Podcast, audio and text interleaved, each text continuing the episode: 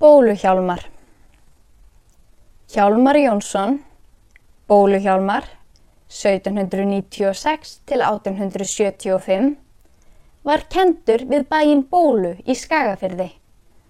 Hann var stórbrotið alltíðu skáld. Hjálmar var samtímamaður Bjarnar Tórarensens, sjá hér að framann, en kjör þeirra voru ólík.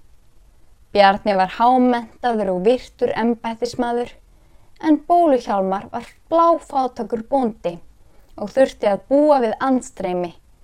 Var meðal annars eitt sinn sakaður um sögðaþjófnað.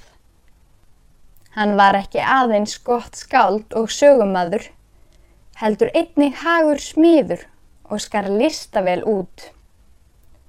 Í þjóðminjasafni Íslands eru varðveittir nokkrir af smíðiskeripum hans.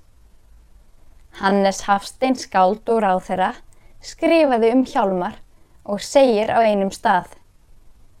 Íslendingar skilja hann, bóluhjálmar, að sínu leiti eins, eins og þeir skilja Jónas Hallgrímsson, því að hann er eins og grepin út úr þjóðinni sjálfri.